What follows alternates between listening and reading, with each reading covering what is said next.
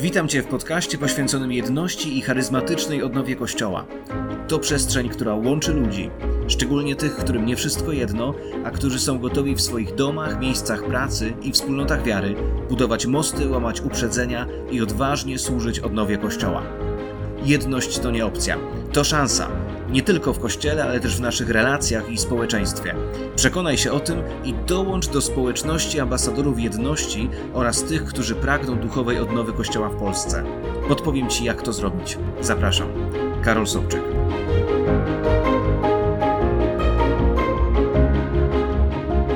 Zanim przejdziemy do dzisiejszego tematu, chciałbym bardzo podziękować Ci. E, jeśli jesteś jedną z tych osób, która napisała do mnie po poprzednim odcinku podcastu Nie Wszystko Jedno, to jest dla mnie bardzo miłe, kiedy możemy wejść w jakąś interakcję, wejść we współpracę, e, wejść w jakąś wymianę myśli, także bardzo Ci dziękuję e, za Twój kontakt. Pozwól, że opowiem Ci dzisiaj pewną historię. Historia, która jest dla mnie bardzo ważna, która jest moją osobistą drogą, świadectwem mojej, mojego osobistego życia i tego, w jaki sposób rozpocząłem służbę na rzecz jedności. Wielu ludzi, którzy poznają mnie dzisiaj, mają wrażenie, że całe moje życie działałem na rzecz jedności, ale nie zawsze tak było. Urodziłem się jako katolik w bardzo dobrej mm, rodzinie, która pielęgnowała wiele wartości, która też uczestniczyła w życiu Kościoła katolickiego. Więc jako nastolatek, w porównaniu do moich rówieśników, miałem szeroką wiedzę religijną i miałem poczucie głębokiego znaczenia praktyk modlitewnych. E, z moimi rodzicami, z moją siostrą przez, mm, przez lata, całymi latami, każdego wieczora klękaliśmy do 10-minutowej modlitwy przed snem. Z kolei każdego ranka moja mama i mój tato upewniali się, czy odmówiliśmy z Zosią, moją siostrą pacierz, a w niedzielę oprócz Eucharystii staraliśmy się spotkać wspólnie na modlitwie różańcowej. I przez kilka lat y, posługiwałem też jako dziecko przy ołtarzu jako ministrant. Grałem na gitarze w przyparafialnej scholi y, w jednym z y, krakowskich kościołów w północnej części miasta. A pod koniec szkoły podstawowej zacząłem uczęszczać rokrocznie na wakacje i niekiedy zimowe turnusy rekolekcyjne, gdzie pierwszy raz zetknąłem się ze słowami wrogości kierowanymi w stronę protestantów. Wszystko, co niekatolickie, było przedstawiane jako błędne, więc szybko nauczyłem się traktować innych chrześcijan jako poważne zagrożenie dla wiary, jako poważne zagrożenie dla katolicyzmu, zagrożenie, z którym trzeba walczyć. Jakiś czas później, w okresie licealnym, pojawiły się w moim życiu pytania o kapłaństwo, ale pierwsza poważna miłość po paru miesiącach przerwała te dylematy i zacząłem zdobywać formację chrześcijańską w powstałej jeszcze przed Soborem Watykańskim II takiej organizacji Opus Dei, która wzmocniła we mnie znaczenie duchowej dyscypliny, też pragnienia świętości i wiedzy o Bogu. I tam o innych odłamach chrześcijaństwa nie usłyszałem zbyt wiele. A katolicka wiara była nieraz przedstawiana w opozycji względem protestantów. I przez kolejne lata wzrastałem w utwierdzanym we mnie przekonaniu, że to, czego potrzeba niekatolikom, to nawrócenie na katolicyzm. Jakiś czas później, troszcząc się o taki swój osobisty duchowy wymiar, znalazłem się pod e, opieką kierownika duchowego, zacząłem regularnie uczęszczać na adorację Najświętszego Sakramentu, uczestniczyć w codziennych rozważaniach Pisma Świętego i dodatkowo zafascynował mnie temat zagrożeń duchowych, zagrożeń duchowości chrześcijańskiej, któremu poświęcałem się godzinami moje własne słownikowe opracowania, dziesiątek zagadnień z tej dziedziny, znalazły nawet uznanie w środowisku egzorcystów, co otworzyło mi drogę do współtworzenia licznych rekolekcji e, i warsztatów, które były poświęcone tej tematyce. I coś naprawdę ważnego stało się w moim życiu w 2007 roku. Wtedy pamiętam, przyjechał do Krakowa taki ojciec John, ojciec John Bashabora, i tamtego wieczora pierwszy raz w swoim życiu zobaczyłem, jak podczas modlitwy na moich oczach pewien mężczyzna, za którego tamten czarnoskóry kapłan się modlił, wstał z wózka inwalidzkiego i dołączył do wiwatujących na stojąco ludzi, którzy wiwatowali na cześć Jezusa Chrystusa. Tam było jakieś 4000 ludzi zgromadzonych w krakowskim sanktuarium Bożego Miłosierdzia w Łagiewnikach. E, I wtedy zdałem sobie sprawę z tego, że Bóg naprawdę jest realny. Dotąd miałem wiedzę na jego temat, byłem w stanie prowadzić rozmowy apologetyczne, regularnie płaciłem cenę stawając w obronie własnej wiary i Boga, ale to wszystko odbywało się poza tym osobistym, bliskim doświadczeniem Boga. I pamiętam jak dziś taki moment, kiedy z sanktuarium wracałem do domu i powiedziałem szeptem do Boga: Do tej pory się do ciebie modliłem, od dzisiaj chciałem mieć z tobą relację. I paradoks polegał na tym, że pomimo wielu praktyk, pomimo wiedzy, pomimo zdobywanej przez lata formacji duchowej, ciągle mierzyłem się z pewnymi dręczącymi mnie myślami, z pewnym problemem. Bo kiedy wieczorem kładłem się spać, co noc odczuwałem strach. On miał prostą przyczynę. Po prostu nie miałem pewności, co stanie się z moją duszą, kiedy okazałoby się, że już się nie obudzę. Gdybym miał zawał, gdybym po prostu zasnął, już nigdy nie wstał. Bo wiedziałem, że nie zasługuję na zbawienie. Zbyt dobrze znałem brudy, które miałem w swojej szafie i problem mojego grzechu stawał się dla mnie nieznośny. Cotygodniowa, czasem nawet częstsza spowiedź i tak go nie rozwiązywała, bo za moment wracał on z powrotem i przyciskał mnie do ziemi. W ciągu dnia uciekałem w religijność, aby w jakiś sposób uśmierzyć ból tej poniżającej porażki, ale nocna szarpanina dotycząca wieczności ciągle wracała do mnie jak koszmar. Oddawałem się wówczas krótkiej, ale rozpaczliwej modlitwie, czasem błagania o przeżycie kolejnej nocy. To było błędne koło, którego nikt nie widział. Nawet moi rodzice nie, nie, znali tej sprawy, nie znali tego problemu, a powtarzało się to regularnie przez kilka kolejnych lat. W październiku 2007 roku e, rozpocząłem studia psychologiczne i szybko zderzyłem się ze ścianą, bo już pierwsze miesiące nauki uświadomiły mi, że to, czego się uczę, nie zawsze zgadza się z tym, w co wierzę. Czułem się bezradny, czułem się pogubiony, bo trudno było mi określić granice pomiędzy nauką akademicką, a teoriami czy praktykami charakterystycznymi dla New Age, dla duchowości New Age, o których e, słyszałem na wielu wykładach, na, na wielu ćwiczeniach. E, ponadto relatywizm, który w różnych ujęciach psychologii dotyczył także istnienia Boga i doświadczeń religijnych, on sprawiał, że wielu moich rocznikowych kolegów i koleżanek zupełnie odcięło się od wiary. I odpowiedzi na to wszystko starałem się odnaleźć e, we wspólnocie Odnowy w Duchu Świętym, na wykładach i warsztatach z pogranicza psychologii i duchowości oraz w różnych środowiskach, dla których te obie rzeczywistości miały jakieś znaczenie. Światło w tunelu pojawiło się na jednym ze spotkań Stowarzyszenia Psychologów Chrześcijańskich, na które zacząłem uczęszczać podczas trzeciego roku moich studiów. E, pamiętam taką osobę imieniem Irena. Irena była psychoterapeutą, która robiła na mnie niezwykłe wrażenie, e, bardzo ciepłej, wrażliwej i pogodnej w usposobieniu osoby e, i która, kiedy usłyszała o moich dylematach, zaczęła zachęcać mnie do udziału w szkoleniu w ramach tzw. Tak Instytutu Poradnictwa Chrześcijańskiego w Ustroniu, które niegdyś sama przeszła. Jej rekomendacja była dla mnie bardzo ważna i dała mi realną nadzieję na znalezienie potrzebnego wsparcia. Gdy zacząłem szukać szerszych informacji o tej propozycji, stało się coś, czego się absolutnie nie spodziewałem. Okazało się, że to szkolenie prowadzą protestanci. E, I byłem rozczarowany, byłem zasmucony. Dodatkowo dowiedziałem się, że Irena też jest protestantką, co jeszcze bardziej e, utrudniło całą tamtejszą sytuację. Zacząłem szukać katolickich odpowiedników takiego szkolenia, ale kilka tygodni intensywnych działań po prostu były na próżno w kółko pojawiały się we mnie dylematy religijne związane z psychologią i te dylematy nie miały końca. W końcu, w wyniku szczerej desperacji, zdecydowałem się dać szansę tej ryzykownej propozycji i powiedziałem Bogu, że pojadę do Ustronia, ale tylko w wypadku, jeśli zarówno mój kierownik duchowy, jak i lidery mojej wspólnoty oraz rodzice wyrażą na to swoją zgodę. I byłem w szoku, kiedy każdy z nich dał mi swoje błogosławieństwo e, i to bez jakiegoś wielkiego trudu, bez zbędnego tłumaczenia czy czasu na dodatkowe rozeznawanie. Przyznam, że wydawało mi się to trochę dziwne, nawet niewłaściwe.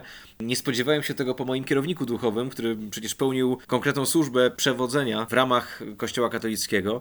Tym bardziej byłem tym zaskoczony, że mój ubogi słownik, który był związany z określeniami na protestantów, na niekatolików, e, ograniczał się w danym czasie właściwie wyłącznie do takich e, inwektyw typu e, heretycy, odstępcy, odszczepieńcy, zwodziciele, zwiedzeni. I w moim sercu wyrosły w nich nie tylko takie chwasty wrogości, ale naprawdę szczera niechęć, a może nawet użyłbym słowa nienawiść.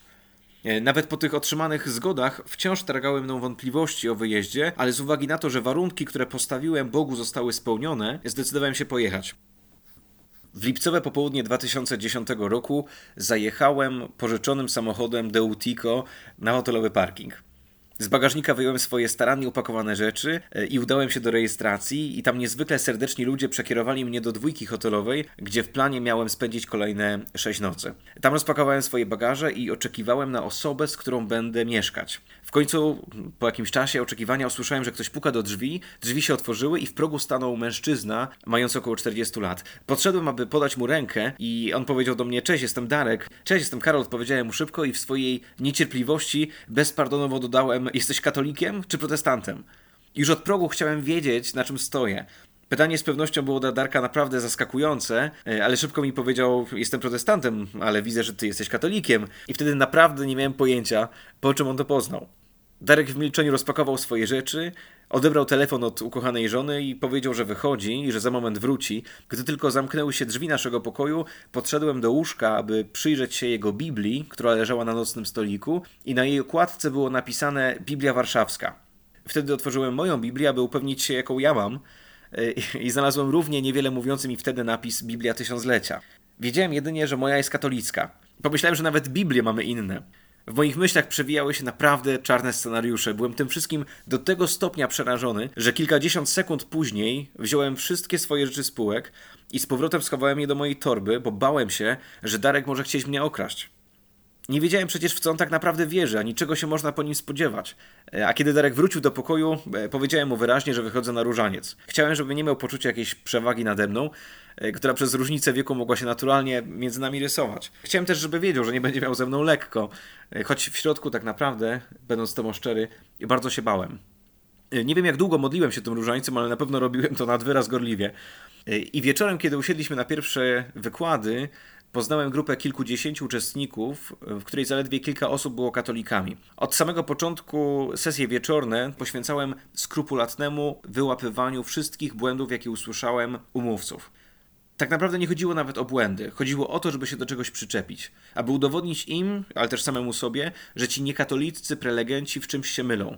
Henryk i Alina Wieja, którzy byli głównymi prowadzącymi to szkolenie i zarazem dyrektorami chrześcijańskiej Fundacji Życie i Misja, w ramach której organizowali e, ów szkoleniowy tydzień, sprawili generalnie na mnie dobre wrażenie. Byli świetnie przygotowani, e, mówili bardzo dynamicznie, znakomicie podtrzymywali uwagę słuchających i te tematy, które, poprzez które wprowadzali e, ludzi w szkolenie, one były naprawdę dość szerokie i trudno było uchwycić jakieś nieprawidłowości, ale kiedy na marginesie podczas pierwszego wykładu dotknęli krótko zagadnienia związanego z zagrożeniami duchowymi, wiedziałem, że będę mógł zrobić im parę przytyków. Pod koniec wykładu zgłosiłem się, aby na forum zadać im pytanie, którego celem było to, aby popsuć ich reputację pośród wszystkich uczestników kursu.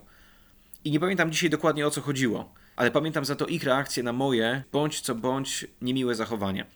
Spodziewałem się, że będą się bronić, że będą bronić swoich racji, albo tak formułować wypowiedź, aby nie stracić twarzy, ale oni podziękowali za moją uwagę i przeprosili wszystkich uczestników za to, że swoimi wypowiedziami mogli wprowadzić kogoś w błąd.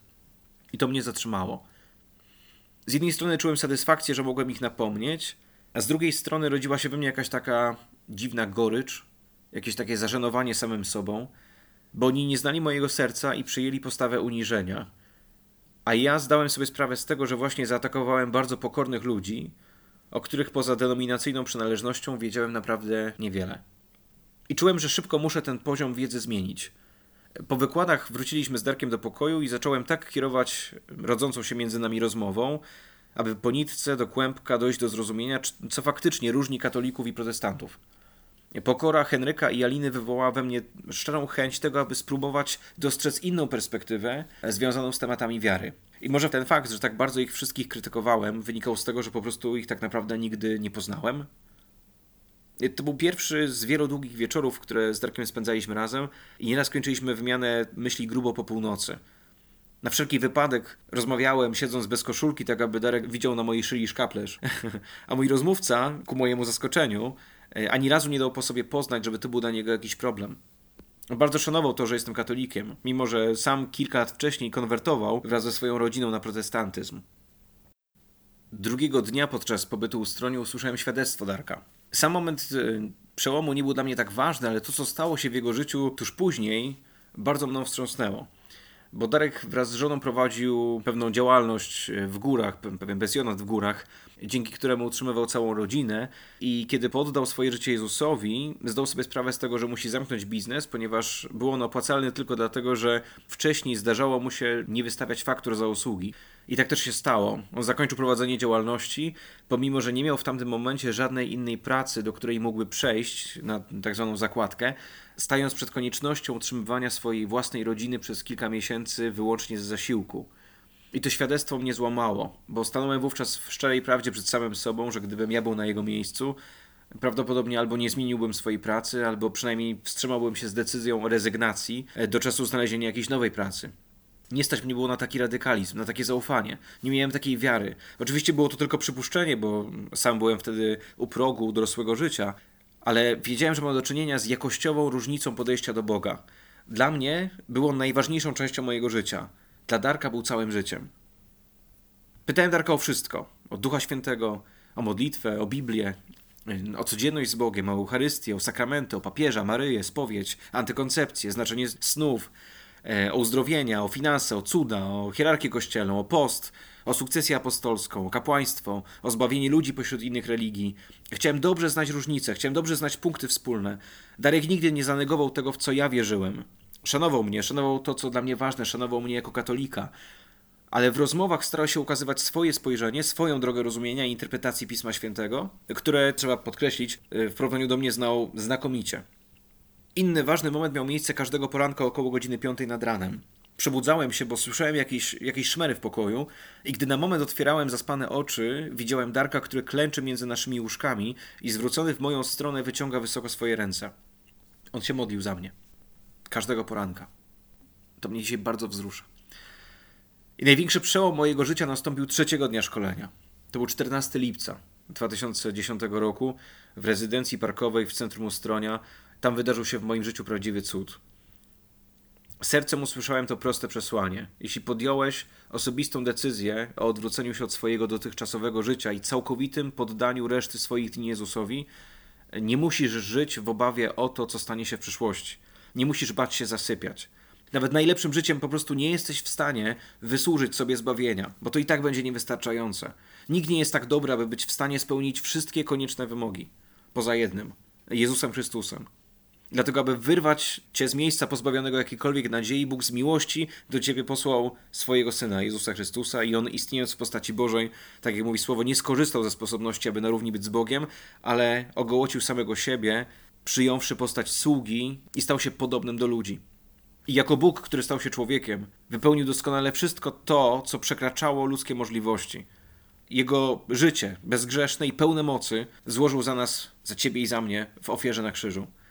A trzeciego dnia po śmierci Bóg wskrzesił go z martwych i dał mu wszelką władzę na niebie i na ziemi. I gdy Jezus przebywał jeszcze z uczniami, on obiecał, że każdy, kto zawierzy mu swoje życie, chociażby umarł, będzie żyć. I my, wierzący, otrzymaliśmy w nim nowe życie, które nie należy już do nas, ale to jest życie, które jest nam dane od Niego. I odtąd to nie my, ale On sam staje się gwarancją naszego zbawienia. To usłyszałem wtedy w ustroniu, że nie muszę już zasługiwać na niebo, bo przez wiarę w Chrystusa stało się ono moim udziałem. Ale teraz moim zadaniem jest wziąć odpowiedzialność za tę łaskę, którą otrzymałem i żyć według niej. Bo tą łaską jestem zbawiony przez wiarę, jesteś zbawiony przez wiarę. To nie pochodzi od ciebie, to jest darem Boga i to nie dzieje się z uwagi na twoje czyny, bo tak to byś się tym mógł chlubić, mógłbyś się tym szczycić, ale jesteś Jego dziełem, jesteś stworzony w Jezusie Chrystusie dla pełnienia dobrych czynów, które On przygotował z góry, aby je pełnił. I to przyjąłem, to usłyszałem wtedy. I to przesłanie łaski zmieniło we mnie dosłownie wszystko. Wtedy świadomie wybrałem Jezusa Chrystusa jako Pana i Zbawiciela w moim życiu. I w każdej przerwie wykładowej wychodziłem do parku w Ustroniu, aby wielbić Boga. Byłem pełen radości, byłem pełen zachwytu, uniesienia. Pamiętam, że tańczyłem w parku, w tej rezydencji parkowej. I nigdy wcześniej, ani nigdy później nie doświadczyłem takiej chwili jak tamta. Po prostu Śmiałem się na cały głos. Pan mnie wybrał, Pan mnie wybawił. Chciałem całym sobą wyrazić tą wolność, którą właśnie przyjąłem. Wolność od potępienia, od poczucia winy, przez doświadczenie Jego nieskończonej miłości i przebaczenia. I podjąłem decyzję, aby od tej chwili resztę życia poświęcić Jemu i poszukiwaniu Jego królestwa.